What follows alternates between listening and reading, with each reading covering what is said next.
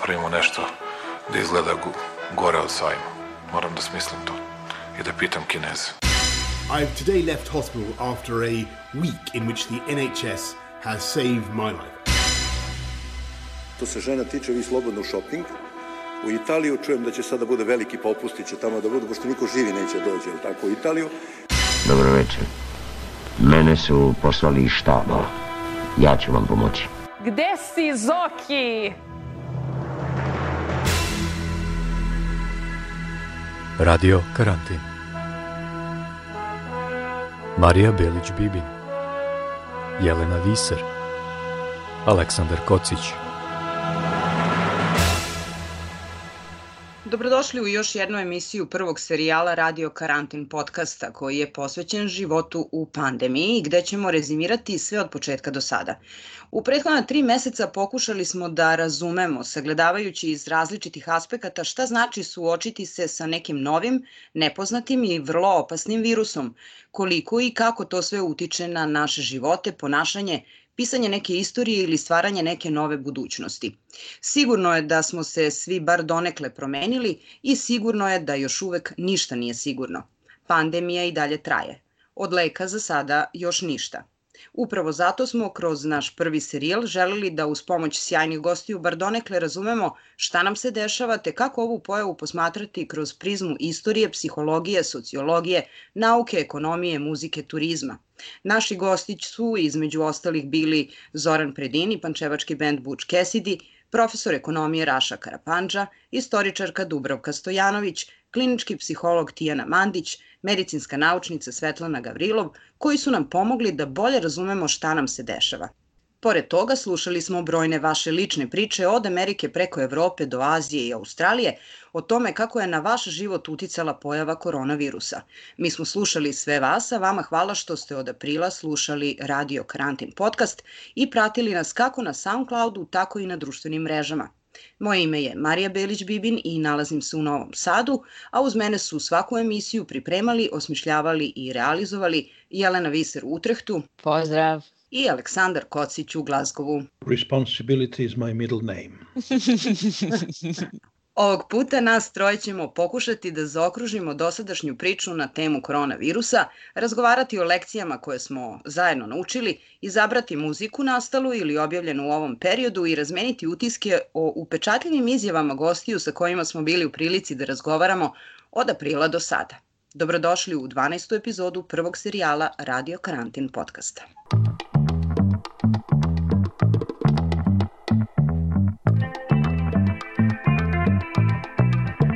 Radio Karantin. Mi smo ovaj podcast počeli u vreme kad je u Srbiji uveden policijski čas i evo tri meseca kasnije Srbija je postala novo žarište u Evropi, a policijski čas je vraćen, dok susedne zemlje ponovo zatvaraju granice za srpske državljane. Kazahstan je inače prva zemlja u svetu koja je vratila karantin na kompletnoj teritoriji, dok se u drugim zemljama, kao na primjer nedavno u Britaniji ili u Španiji, takve mere uvode po određenim opštinama.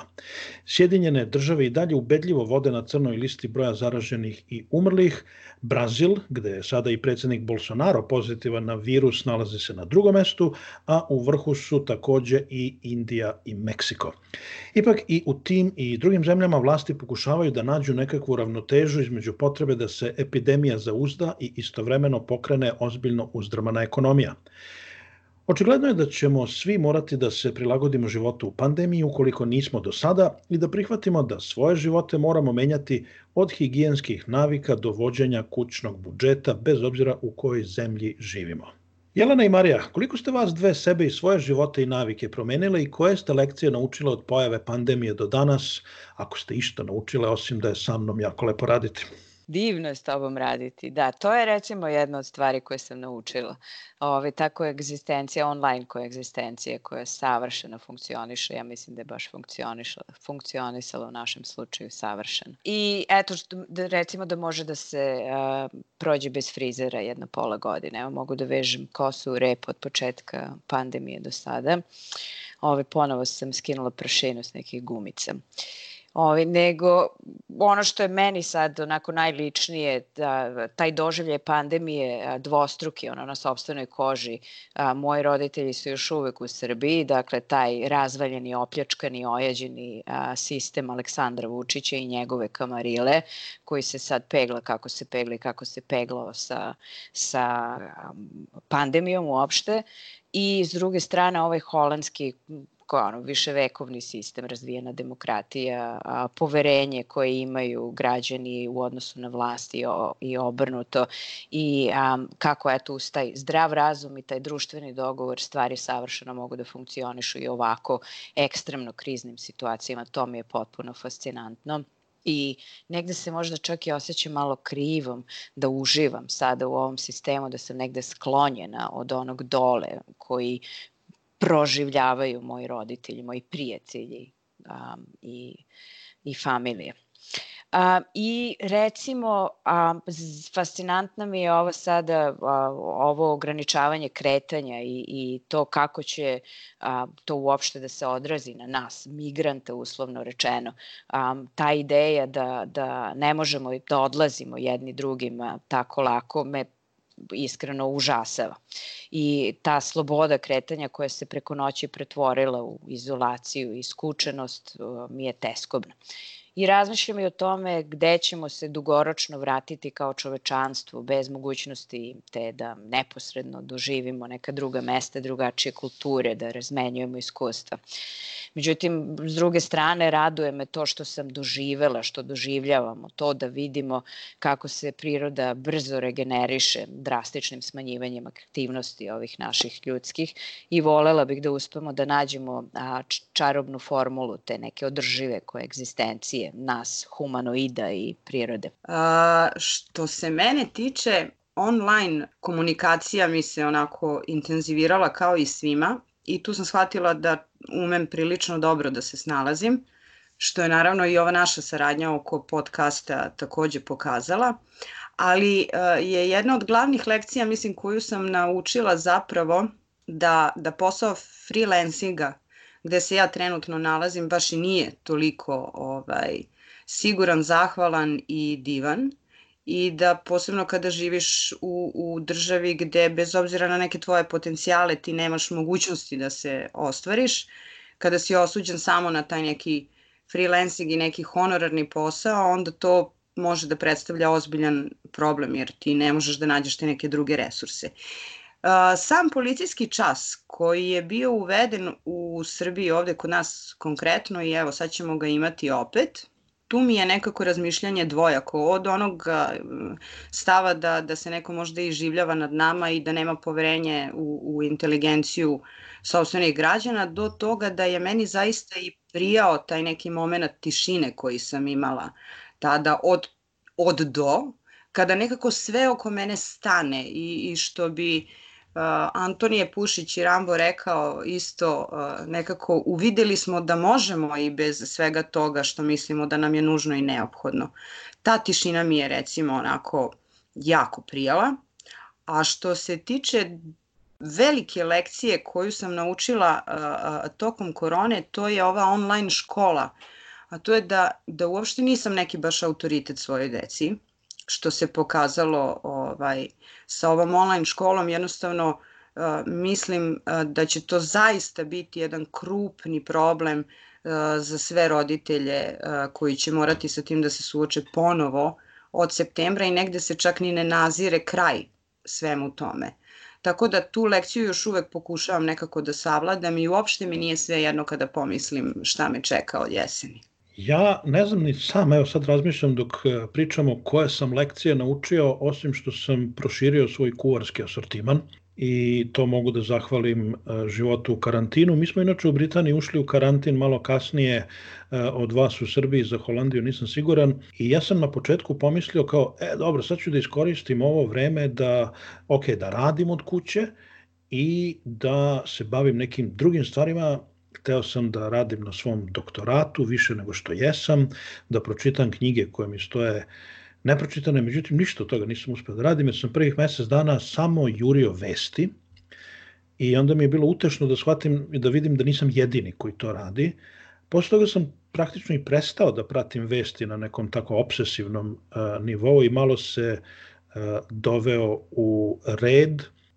Jedan od uh, najjačih zapravo mojih utisaka, jer sam radila apsolutno isto što i ti, jeste da, da je nekako fake news svuda oko nas i da sam gubila jako mnogo vremena proveravajući svaku informaciju, svaku fotografiju, da li je ona istinita ili ne. I moj neki utisak je da je ovaj svet danas otišao k vragu, jer uh, niko nema Uh, ne samo bonton neki u ponašanju i, i neku etiku i moral šta će reći i koju će vest plasirati, nego nekako nema ni one osnovne kulture komunikacije gde, gde se laži plasiraju onako bez trunke razmišljanja, bez trunke provere da li će to nekoga oštetiti, povrediti ili imati neke mnogo gore implikacije. Pa ja mislim da je iz moje perspektive gledano razlika u tome samo što mi smo sada dobili vlast u Britaniji koja e, se ponaša na način na koji se nijedna prethodna vlast nije ponašala, a to je da imamo sada premijera koji lupeta gluposti, koji iznosi laži i tako dalje. Znači, ponaša se na onaj način na koji se ponašaju uh, ljudi sa kojima Britanija, odnosno državnici sa kojima Britanija obično ne želi da se poredi. Ali sa druge strane, srećom još uvek imamo relativno pouzdane i kvalitetne medije u ovoj zemlji, tako da ja nisam proveo mnogo vremena proveravajući vesti, nego jednostavno imao sam ljudsku potrebu da saznam što više šta nam se dešava, što se tiče samog virusa, medicine vezane za virus, do ekonomije i drugih aspekata kojima smo se inače uh, bavili u ovom podcastu. I ja mislim da ipak na kraju krajeva još uvek je rano da bih ja bar mogao da kažem da sam neke velike lekcije uh, izvukao. Još uvek mislim da će ovo da traje i da će da traje dugo i da ćemo tek posle moći zaista da podvučemo povučemo neku crtu i da kažemo šta smo možda iz ovoga naučili kao pojedinačna društva, kao pojedinci i kao planeta. Radio karantin. U svakoj emisiji imali smo i malo muzike, uglavnom one koja je nastala tokom pandemije i u karantinskim uslovima. Nastavit ćemo sa muzikom i u ovoj emisiji, s tim što smo ovoga puta dali sebi slobodu da svako od nas izabere muziku za koju će onda ono drugo dvoje da kažu desi bre to našao. Ovo je moj izbor. Mother, do you think they'll drop the bomb?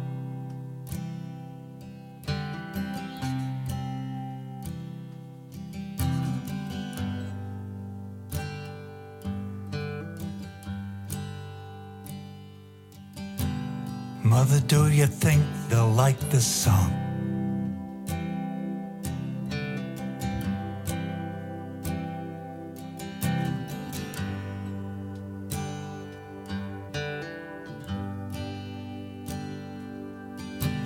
Mother, do you think they'll try to break my balls?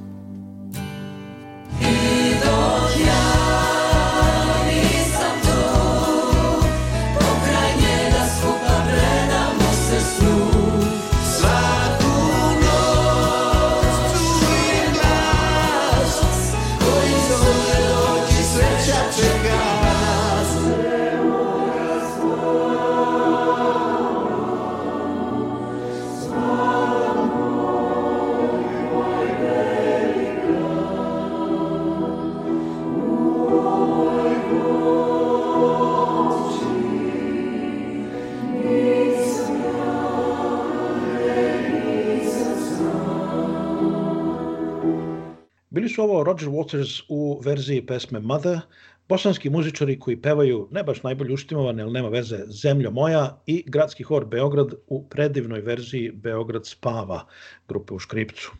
Radio karantin je tokom prethodnih tri meseca vredno i detaljno ukazivao na razne aspekte pandemije COVID-19, od ekonomije preko politike i nauke do muzike.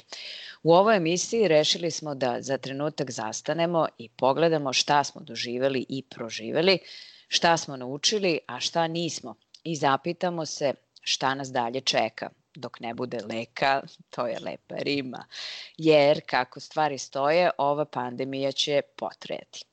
Vi možete da nastavite da nam pišete i šaljete vaše priče, zapažanja, iskustva a, preko SoundClouda, naše stranice na SoundCloudu, na Facebooku ili mailom a, pišite nam na radiokarantin.podcast@gmail.com.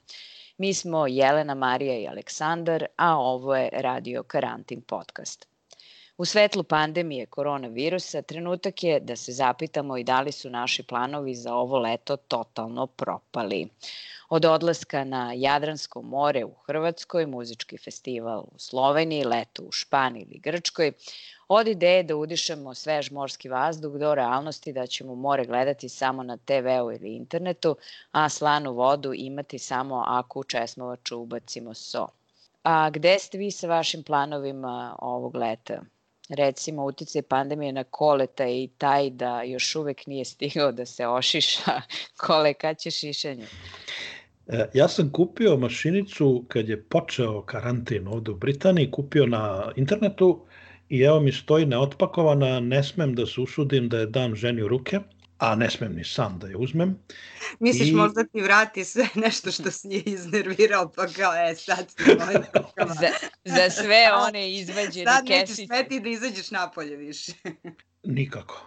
Tako da sam zato rešio, ne, ne dam se, izdržavam, iako nisam navikao da nosim dugu kosu, ali Boga mi raste i evo srećom od sledeće nedelje će u Škotskoj ako Bog i korona daju, biti otvoreni i frizerski saloni. Tako da ovaj, se sad spremam ipak za jedan hrabri povratak. Idem sutra da kupim maske i spremam se za jedan hrabri povratak kod uh, svog berberina. Doduše, moj brica Kenny je u Edimburgu, ja živim u Glasgow, ali ja kod njega obično idem, pošto smo stari drugari, idem uh, kad sam na poslu. Tako da se razmišljam da i sada možda sednem u kola, odem malo do Edimburga i odem kod Kenija da se lepo ispričamo i da me udari na četvorku skroz. Njemu nikako nije jasno kad ja kažem skroz. Kako skroz, bre, pa daj malo zuluf i on neko, ne, udri skroz, bre. I naplaćuje mi ono dečije, pošto sam užasno jednostavna mušterija. I onda mi naplati 5 funti, to je dečija tarifa i teraj. Imamo mi frizerku isto ovde dole koja ima te dečije tarife, pa onda svi nekako gledamo da se uglavimo u tu tarifu. Šalim se, nisam ni ja išla do frizerke, ali ne zato što ne radi, kod nas su počele da rade, nego ne znam, meni nešto frka mi da odem, da sednem u tu stolicu, ne znam, potpuno sam nepoverljiva, ovaj, onako, ne, ne bih sad da kažem da sam teški paničar, ali baš mi je ovaj, to, to da odem kod frizera nekako mi baš i nije. Tako da ta punđa baš super stoji i, i stojeće još neko vreme. A što se leta tiče, pa kako bih vam rekla, od, eh, od festivala u Sloveniji će biti verovatno a, eh, samo muzika preko YouTube-a, od a, eh, leta i mora će biti neki fototapet možda ovaj, ovde u pozadini ili neka od tih, što kaže, jela, društvenih mreža, imaš sad te, jel da, Jelena, kako beše, ove efekte raznorazne, pa ću da namestim nešto. Ti spominješ taj festival u Sloveniji, to je nešto, to je nešto na što ti ideš e, redovno. Da, da, da, mi tamo idemo o, godinama, suprug tamo i, i radi već jedno deseta godina svaku godinu, on je tonac, a ja idem da mi dupe vidi put. Šalim se, nije, pomaže mi ja tamo, to je onako jedan onako... Zašto, zašto se umuna. tačno šališ? Podili smo mi i dete, ovo starije, sad blizanci će još malo morati da sačekaju, fantastično je zaista ta, ta šuma, ta njihova priroda u Sloveniji, pa ta tirkizna boja reke Soče. Odlično i baš mi je krivo što nećemo da idemo, ali to je prosto naša realnost, mislim. To je to. I se osjećate svi malo zatvoreni? O da. Mene počeo sada, evo, od, s tim kao takozvanim izlaskom iz a, karantina, mene počeo da hvata taj osjećaj te skobe. Ono Kad ste vi izašli iz karantina u Holandiji? Pa nismo mi ni bili u nekom karantinu, naročitom ne, definitivno ne kao u Srbiji i ne definitivno kao vi. Mi nismo imali ograničenja um, u smislu izlaska iz opštine i ne znam, maske nikad nisu bile obavezne, osim u nekom trenutku kasnije u, u javnom prevozu. Ove, to je onaj zdrav razum kao vlast je odredila određeni broj mera, građani se njih pridržavaju, držimo se svi na ostojanju i to je to. Nema sad tu ništa ništa naročito. I neke od tih mera su posle povučene. Sada evo rade i kafići i a, restorani, odlazi se u hotele, kampovi ponovo rade, ali je mene tek sada krenuo da hvata taj osjećaj te skobe. To je zapravo nemogućnost prelaska a, granice je nešto što mene zaista... A kad je vama granica iza ćoška tamo gde god da se okreneš granicu? Ha, ha, ajmo, ćemo sad... Hoćemo sad, moj karantin je bolji. Mo, moj karantin je bolji od tvoj karantina, da. I karantin je duži. Dobro je samo dok niste u Srbiji, to je odlično. Pa nije mi to. Evo mi smo otkazali Hrvatsku recimo do, do pre nekoliko dana smo se nadali da, da ćemo uspeti da stignemo dole i ono što sam zaključila recimo u vezi s tim godišnjim odmorom koji mi sad kao koncept potpuno nadrealan, a da tu nema primene nikakvog zdravog razuma, nikakve racionalne odluke se tu ne donose, nego se jednostavno prati taj gut feeling i na kraju nama taj gut feeling bio da možda zaista nije dobra ideja da krećemo sada i prelazimo četiri granice u trenutku kad a, se ponovo to nešto razbuktava i postoji mogućnost da granica jedna po jedna ono, u nekom trenutku bude zatvorena. Um, tako da a, na moju veliku žalost a, ove godine Jadransko more nećemo videti, nećemo ići ni u Srbiju ovog leta, tu ćemo da se muvamo po kraju, verovatno u Francuskoj nešto do 1000 km se odredi jedna granica i to je to. Ti Marija, kad kažeš e, dobro je što niste u Srbiji, da ne ulazimo sad u širu priču e, o Srbiji kao mestu za život, ali mi ovde smo imali nekako sve postepeno, a kod vas u Srbiji su ekstremi bili. Tako da, ok, sad vidimo koja je cena naglog opuštanja i naglog gašenja karantina, ali praktično još uvek ljudi imaju slobodu kretanja. Imaju, imaju. Ti ste odlazili tu i tamo, ti si, ti si išla na jedno selo, pa na drugo selo, pa u Frušku goru, odnosno na Frušku goru i tako dalje. Ovaj, tako da ja pretpostavljam da su to dobri ventili. Znaš, mi s druge strane, od danas tek možemo da napustimo grad. Pa ja bih zapravo i rekla da, da je tebi bilo uh, ok, uh, ono vanredno stanje koje smo mi ovde u Srbiji imali, pa kao, jel da, do pet, pa onda ceo vikend ne možeš nigde da izađeš s četiri zida. Za to vreme ti si nama slao fotke, evo, šetamo se tu negde u kraju, -hmm. Ali u onom trenutku kada je nama ukinuto vanredno stanje i kada jeste počela ta, uh, ta cirkulacija ljudi i to saobraćanje iz jednog mesta u drugo, u grad i tako dalje, zapravo sam ja tek na kraju skapirala da, da je tebi najgore u stvari, jer Jelena i ja smo tu i negde mogle da odemo do nekog drugog mesta, a zapravo ti nisi mogao da odeš dalje od, od kvarta gde se šetaš inače, mislim. Je li tako? E, mi smo mogli da se muvamo po gradu, da, u početku nismo mogli e, nigde van svog kraja, sad nam je dozvoljeno da idemo po gradu, znači mogu da sednemo u kola pa da se odvezemo u drugi kraj grada i da tamo idemo u da, park. Da, ali ne možeš iz grada I... u drugi grad otići, ti sad ne možeš u Edinburgh, ili možeš? Evo, tek, tek, tek od danas ili od juče. Da, da, da, da. Ovaj, s tim što i to je pitanje ono, znaš, mi, mi imamo predivnu Škotsku ovde, klima je takva kakva je, ali je Škotska fenomenalna za putovanja, ali gde ćeš da putuješ, znaš, evo, Englezi su otvorili pubove, pošto ovde svaka ovaj, zemlja ima neke svoje propise, u Engleskoj su pubovi otvoreni pre dva dana, već su počeli da ih zatvaraju, zato što su dužni da proveravaju ljude na COVID i kako su videli da im dolaze zaraženi gosti, tako su krenuli da zatvaraju.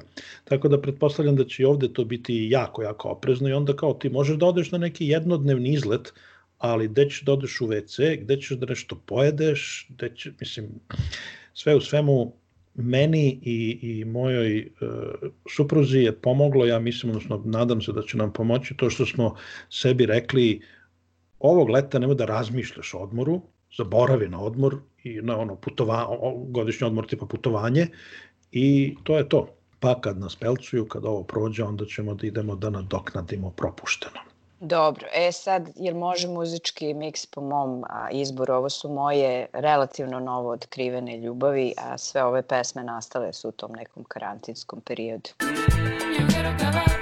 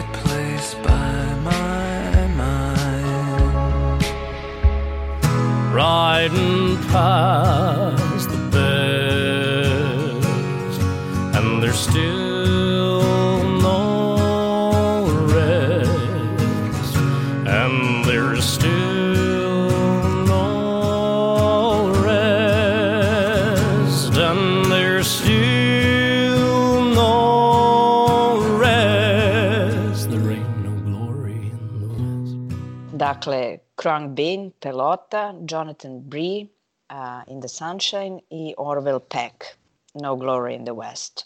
Kažite mi, ove, jel postoje neki upečatljivi trenuci za vas specifični o, sa, za izolaciju, koji su bili ili tužni ili smešni? Pa ja ću izdvojiti dve neke stvari, recimo da, da je meni stvarno najvažnije to uh, i najsrećnije sam zbog toga što smo mi zdravi, zato što je neposredno pre nego što je nama savetovano da se ide u Mi, Milano u shopping, uh, mene zadesila bolest, uh, jer smo bili nešto par dana u Berlinu, sad da li je to poteklo odatle, ja ne znam, ali tu sam se susrela sa najrazličitijim ljudima, vratili se i mene je krajem januara uhvatila visoka temperatura, 39-40, nekih 7-8 dana. Kad je to sve otišlo k vragu, onda smo tamo se vukli po lekarima, po institutu za plućne bolesti i tako dalje, jer, sam, jer su mi konstatovali i ozbiljnu upalu pluća. Da se to desilo par nedelja e, kasnije, uverena sam da bi oni mene vodili pod spiskom korona virusa bolesnika. To je, hvala Bogu, prošlo i to mi je nekako ono, koliko god prozaično da zvuči, to, ja sam srećna, to me čini srećnom, što je to iza mene i što, što je prošlo sve okej. Okay. A, a smešno mi je, mi imamo mačku. Mi nemamo pse, imamo mačku. I a, mislim da smo mi jedini u kraju bili koji su šetali mačku. Doduše, mi to nismo koristili uh, kao moment ono kad, kad krene policijski čas, pa u, posle toga ti imaš mogućnost da izađeš napolje iz svo, svog stana kuće, da prošetaš kućnog ljubimca. Ali sad, boga mi, kako su to ponovo uveli, mislim da ćemo ponovo našeg mačka Rašu da ovaj, šetamo mi lepo napolje. Tako da, onako, kao totalni kreteni izgledamo verovatno jedini koji šetaju mačku, uh, ali nema veze, šta, eto, može i to. Niste, ja mislim, to s mačkom, to je ovaj, jako simpatično, nema veze, ja mislim, sa pandemijom, pretpostavljam da bi vas ljudi isto tako gledali koludake i bez pandemije, ali, ovaj, ali ja sam siguran da vam je mačak Raša do neba zahvalan. Mislim da je našli neku tamo ovaj, cicu, šmeka je stalno preko prozora i terase, pa tako da se raduje tim šetnjama i oni, što ga ne bi šetala po boku. Ja mislim da mi je najkomičniji trenutak u vezi sa ovom pandemijom do sada bio ovaj Moron Trump kad je ovaj predložio da se, da se doziramo svi varikinom, jer mi je to na neki način, ne samo što me naravno nasmejalo, nego me na neki način je najbolja možda ilustracija toga koliko su dileje do, počele da dominiraju ovim svetom i koliko je ozbiljna nauka gurnuta u stranu. To je ono što ovaj, je pričala jedna od naših e, gošća. Stvari ne jedna, mislim da je to tema koja se provlači kroz e, sve ove naše emisije. A sa druge strane, kad razmišljamo o tome šta je neki najveći, najnegativniji psihološki efekt imala na mene, mislim da su to one slike iz e, Italije, jer e, posle su se možda ponavljale i drugde, ali nekako smo tada još uvek sve je bilo novo i kad sam video te slike vojske koja odnosi e, ove e, kovčege sa žrtvama koronavirusa, to mi je onako ostalo kao nešto jako, jako Jeste, potresno. jeste, to je, to je stvarno bilo mnogo strašno. Mnogo strašne slike su bile, da, jezive. Da, meni je ba, onako najličnije, najupečetljivije bilo to kad a, sam se ja čula sa svojim roditeljima kad je u Srbiji uveden policijski čas i a, pitam roditelje kako su, kako se drže i moja mama onako samo odmahne rukom kaže pa nije ovo prva kriza koju mi proživljavamo, nije ovo prvo vanredno stanje koje mi proživljavamo. I to mi je unelo neku neverovatnu dozu optimizma to, to, je iz, utemeljeno iskustvo. A, ja sam to neposredno sa njima i preživala i znam, ono i znate i vi kako se preživljavalo, kako su se razne vanredne situacije preživljavale dole u regionu pre svega i ta rezilijentnost a, ljudska koja je izašla iz, a, eto, izgovorena od strane moje majke, a, mi je bila, mi je i dalje nešto najupečatljivije. I taj neki optimizam od koga generalno ne odustajem. Pored onih a, strašnih svinjarija s početka, maničnih kupovanja raznih stvari, gomilanja zaliha, paranoja, a, rasističkih a, ispada i gluposti, a, nisam prestala da a, verujem u taj optimizam i, i to nešto i lepo i, i solidarno koje je ova pandemija probudila u ljudima. Moram nešto da vas pitam, ali imate utisak da ovo traje sve jako dugo? Kao da su godine iza nas. Misliš da li se percepcija vremena potpuno Da, promenila? O da. Možeš potpuno ovaj, da me ložiš sada ako je nešto bilo juče da mi kaže da je bilo pre dva meseca i obrnuto, sve ti verujem. Sve ti verujem blanko, ono, bez, bez a, upuštanja u proveru jer sve se razvuklo i nekako su dani postali manje više isti. A, Da. Smanjili smo broj rituala i te rituale neke koje smo zadržali smo razvukli i percepcija vremena se promenila potpuno. I sada kad je ovaj kao ukinut neki, uh, su te vanredne mere oslabljene i šta ja znam i povećana mu- mogućnost kretanja, evo i odlazimo i na posao povremeno, um, dete ide u školu, sve jedno, sve je tako razvučeno, sve mi je, de, sve mi deluje kao um, oni deči letnji raspusti kod babe i dede na selu. Pa ne znaš kad je dan počeo, kad se završio, koji je, peti, sedamnesti, dvadeset deveti, nema pojma. Kole, tebi, Ja, vreme? ja srećom nikad nisam letovao kod babe i dede na selu, ovaj, tako da taj osjećaj nemam, ali pa imam, imam s jedne strane to što Jelena kaže da, znaš, kad pogledam unazad kao je, ovo je tri meseca, ko da je tri godine, a sa druge strane ja iskreno verujem da je ovo tek početak i da ćemo mi ovako da giljamo bar još godinu dana. Tako da se nekako ono psihološki pripremam Zato imaš što ne misliš, što nisi letovao kod babe i dede.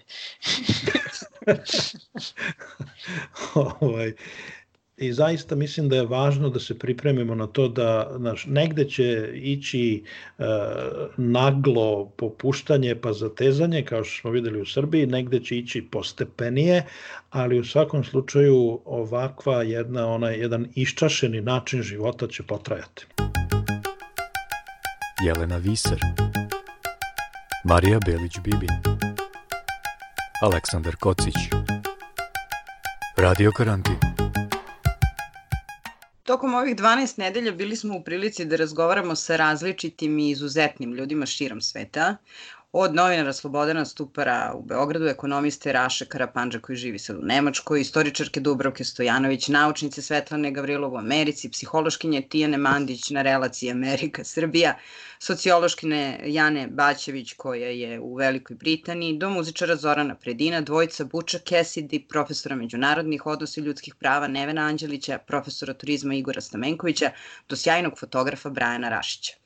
Kole Jelena, kada bi morali da izdvojite neke od utisaka tokom ovog našeg prvog serijala, koje bi to bile izjave i koji gostiju Radio Karantin podcasta do sada i zašto? Meni od početka krize jako zanimljiva dilema sa jedne strane da li se demokratija ili autokratija bolje nose sa pandemijom, a sa druge strane to pitanje dokle sada treba žrtvovati ljudska prava u borbi za zdravlje, odnosno za život.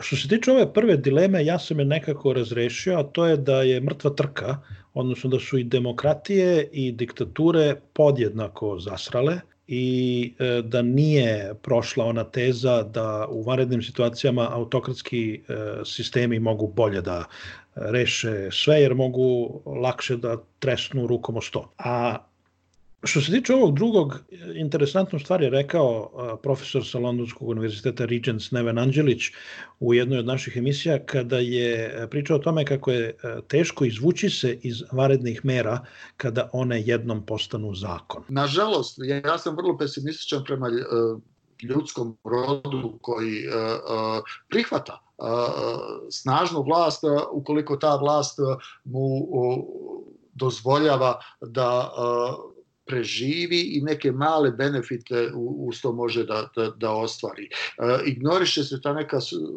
opšta solidarnost, ignoriše se da jedna e, velika grupa ljudi tog istog društva ne, ne može da ostvari svoja prava, da, da ne može da iskaže nesaglasnost sa nečim. Ja sam tu sklonost o kojoj Anđelić priča kao odricanju od ljudskih prava video u mnogim reakcijama na krizu uh, na Balkanu, gde ljudi nekako odjednom prizivaju čvrstu ruku, odjednom svi očekuju nekog Staljina, nije da ga nemaju, koji će da kaže, e, ima ovako da bude i pusti sad ljudska prava, nema o tome da se priča. I bilo mi je drago da vidim da nekakvi pokušaj ovog našeg šarlatana ovde u Britaniji, Johnsona, da uvede nekakve mere kojima bi ljudima ograničio ljudska prava ipak nisu prošle i da su se javnost i institucije sistema ipak pokazale dovoljno, kako se to kaže, rezilijentnim da kažu ne može, brate, stani. Pa kad smo već kod šarlatana, ja bih da ove, spomenem našu gošću, meni je njena izjava bila zanimljiva, Svetlana Gavrilov, naučnica, a, koja je rekla da veoma strepi od svih tih teorija zavere u medicini i nauci uopšte i kako primećuje da se tom brzom razmenom informacija je ta pojava uzela maha i naježila sam se kad je rekla kako se pribojava da će naučnike uskoro paliti na lomači i da je ta komunikacija i antivakcinaškog lobija i ravnozemljaša i zaverenika 5G mreže a, postala agresivna i zaista strašno je kakav su se primitivizam i neznanje uvukli u mainstream i još gore. Meni agresivnost u odbrani tih gluposti i pri, primitivizma su nešto za ježenje. Ipak bile su mi utešne te njene reči a, o tome da nas iz a, ove i drugih pandemija koje ona je sigurna nas očekuju iza naših života. Dakle, samo nauka iz toga, od toga može da nas odbrani. Ja mislim da će pandemija biti još za naših života, a koliko će oni, one biti česte, to je, to je teško predvideti. A, mi smo zaboravili zato što pripadamo generacijama onih koji su protiv svih tih dečjih bolesti primali vakcine, pa smo zaboravili šta to znači kada protiv a, takvih bolesti koje odnose živote vakcina nema. A, za pobornike antivakcina akcijskog pokreta. Ovo je idealna prilika da vide kako izgleda jedna demo vežba sa jednom ovakvom bolešću protiv koje nema vakcine, a samo zamislite kako je izgledao početak 20. veka kada je paralelno bilo puno takvih bolesti i kada su deca umirala u ranom uzrastu. Nisam siguran da li ćemo spaljivati naučnike na lomači, ali ovo zaista jeste zabrinjavajuća situacija. Ja sam danas video koliki procenat uh, ljudi u Britaniji ne želi da se vakciniše. Sad ih je više nego ranije. Jedan od šest, tako nešto.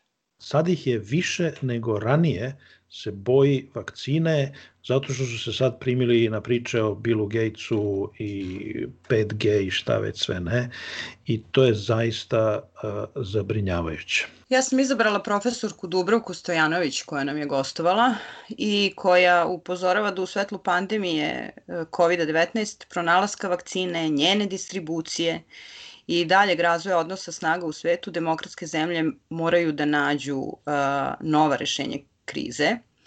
I, uh, rekavši da ako se vakcina ne distribuira ravnomerno i ne dođe jednako kako do bogatih, tako i do siromašnih slojeva, da kriza zapravo u kom se nalazi ovaj svet je mnogo, mnogo dublja. I to je ono čega se ja zapravo iskreno najviše i pribojavam. Još većeg jaza između siromašnih i bogatih, pa da je čujemo. Svet je čvrsto objedinjen i ako ne nađe zajednički odgovor na ovu krizu, ako ne shvati da je zajednički ugrožen, onda se bojim da se možemo suočiti sa mnogim novim problemima. Ako mi ne shvatimo da smo u, u, u ovome gde se nalazimo svi zajedno, bojim se da uh, pravo rešenje problema nećemo ni naći. Da li vas dvoje imate utisak da, da je svet shvatio da smo mi zaista zajedno u ovome imali te solidarnosti među ljudima o kojoj se toliko govori i svima su puna usta ovaj, te reči i da li je vi ju zapravo vidite oko sebe? Ne, ja mogu da se kladim s tobom da ćemo mi dobiti vakcinu pre nego vi. Da. Nažalost, tako je, ali e, mislim da nismo solidarnost ne doživljavamo na globalnom nivou. E, svaka kriza podstiče solida, osjećaj solidarnosti e, kod ljudi, ali ja mislim da je to solidarnost na jednom lokalnom ili eventualno nacionalnom nivou, a ne na internacionalnom nivou. I sutra kad bude gotova vakcina, siguran sam da će u zemlji kao što je Britanija, koja ulaže ogromne pare i ogromne napore da dođe do vakcine, biti jako puno onih koji će kažu čekaj sad mani, koja sad leva Srbija ili Mađarska ili šta znam, prvo mi koji smo ulagali u vakcinu. Da ne pričamo o tome kako će da reaguju Amerikanci, bez obzira da li je na vlasti Trump ili Biden, zar neko očekuje da će Kina da deli, ako Kina napravi vakcinu, prva da će Kina da je podeli sa nekim pre nego što se oni prvi vakcinišu, tako da e, mislim da će to da bude još jedan od pokazatelja koliko je ova kriza zapravo, koliko produbljuje e, podele u svetu. E vidiš i tu bih se onda nadovezala sa svojim ograničenim optimizmom. Slažem se da je ta solidarnost još uvek negde na lokalnom nivou, ali mislim da da ćemo se i za te neke solidarnosti boriti, ćemo se, Ove, jer ovo ne može ovako. Mislim, pokazalo je da ekonomski sistem a, ne funkcioniše, pokazalo je da razvaljivanje i privatizacija zdravstvenih i obrazovnih sistema a, nas je dovela i o, tu gde jesmo i zato se sad kobeljamo i davimo i batrgamo u ovoj a, krizi pandemijskoj kako se batrgamo. Ove, I za te neke stvari ćemo se, bojim se, morati i tući, ali sam optimista da ćemo se izboriti. I da prosto ne može, ne može jedna ogromna, strašna manjina da pod šapom drži baš sve i svako. Ja se slažem sa tobom, ali ja mislim da će to opet biti ili nacionalne bitke, ili da će to biti bitke koje će da bije bogati svet za sebe, a sirotinja će da bije svoje neke bitke zasebno. Ali ne očekujem da će neko u Holandiji ili u Britaniji e, da digne ozbiljan glas u korist vakcinacije Afrikanaca u isto vreme kad se budu vakcinisali Evropljani. To, to mislim da se neće desiti.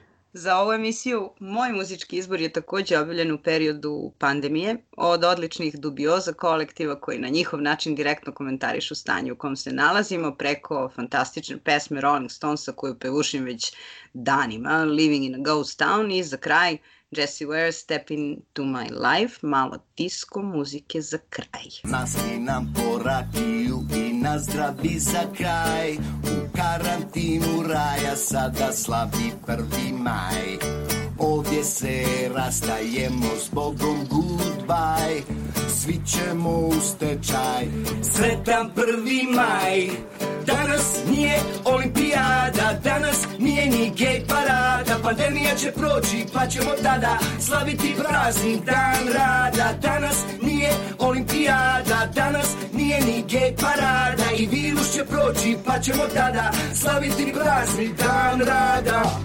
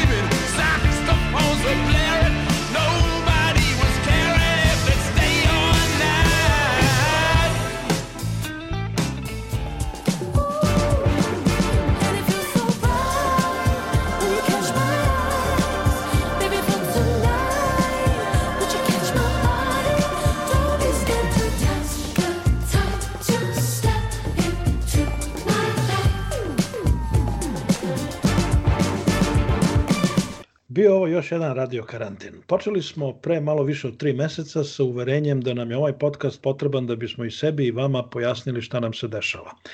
Nismo znali koliko će ovo da traje, ali je nekako bilo jasno da ova pandemija nije događaj od par nedelja. Sa vama su i danas i svih ovih nedelja bili bivši i u srcu večiti pančevci Jelena Fiser, Marija Belić-Bibin i Aleksandar Kocić, kao i naš tehnički saradnik i jedini koji još uvijek živi u Pančevu, Ivan Tomić. Slušajte i dalje Radio Karantin, perite ruke, nosite maske i ne dajte se.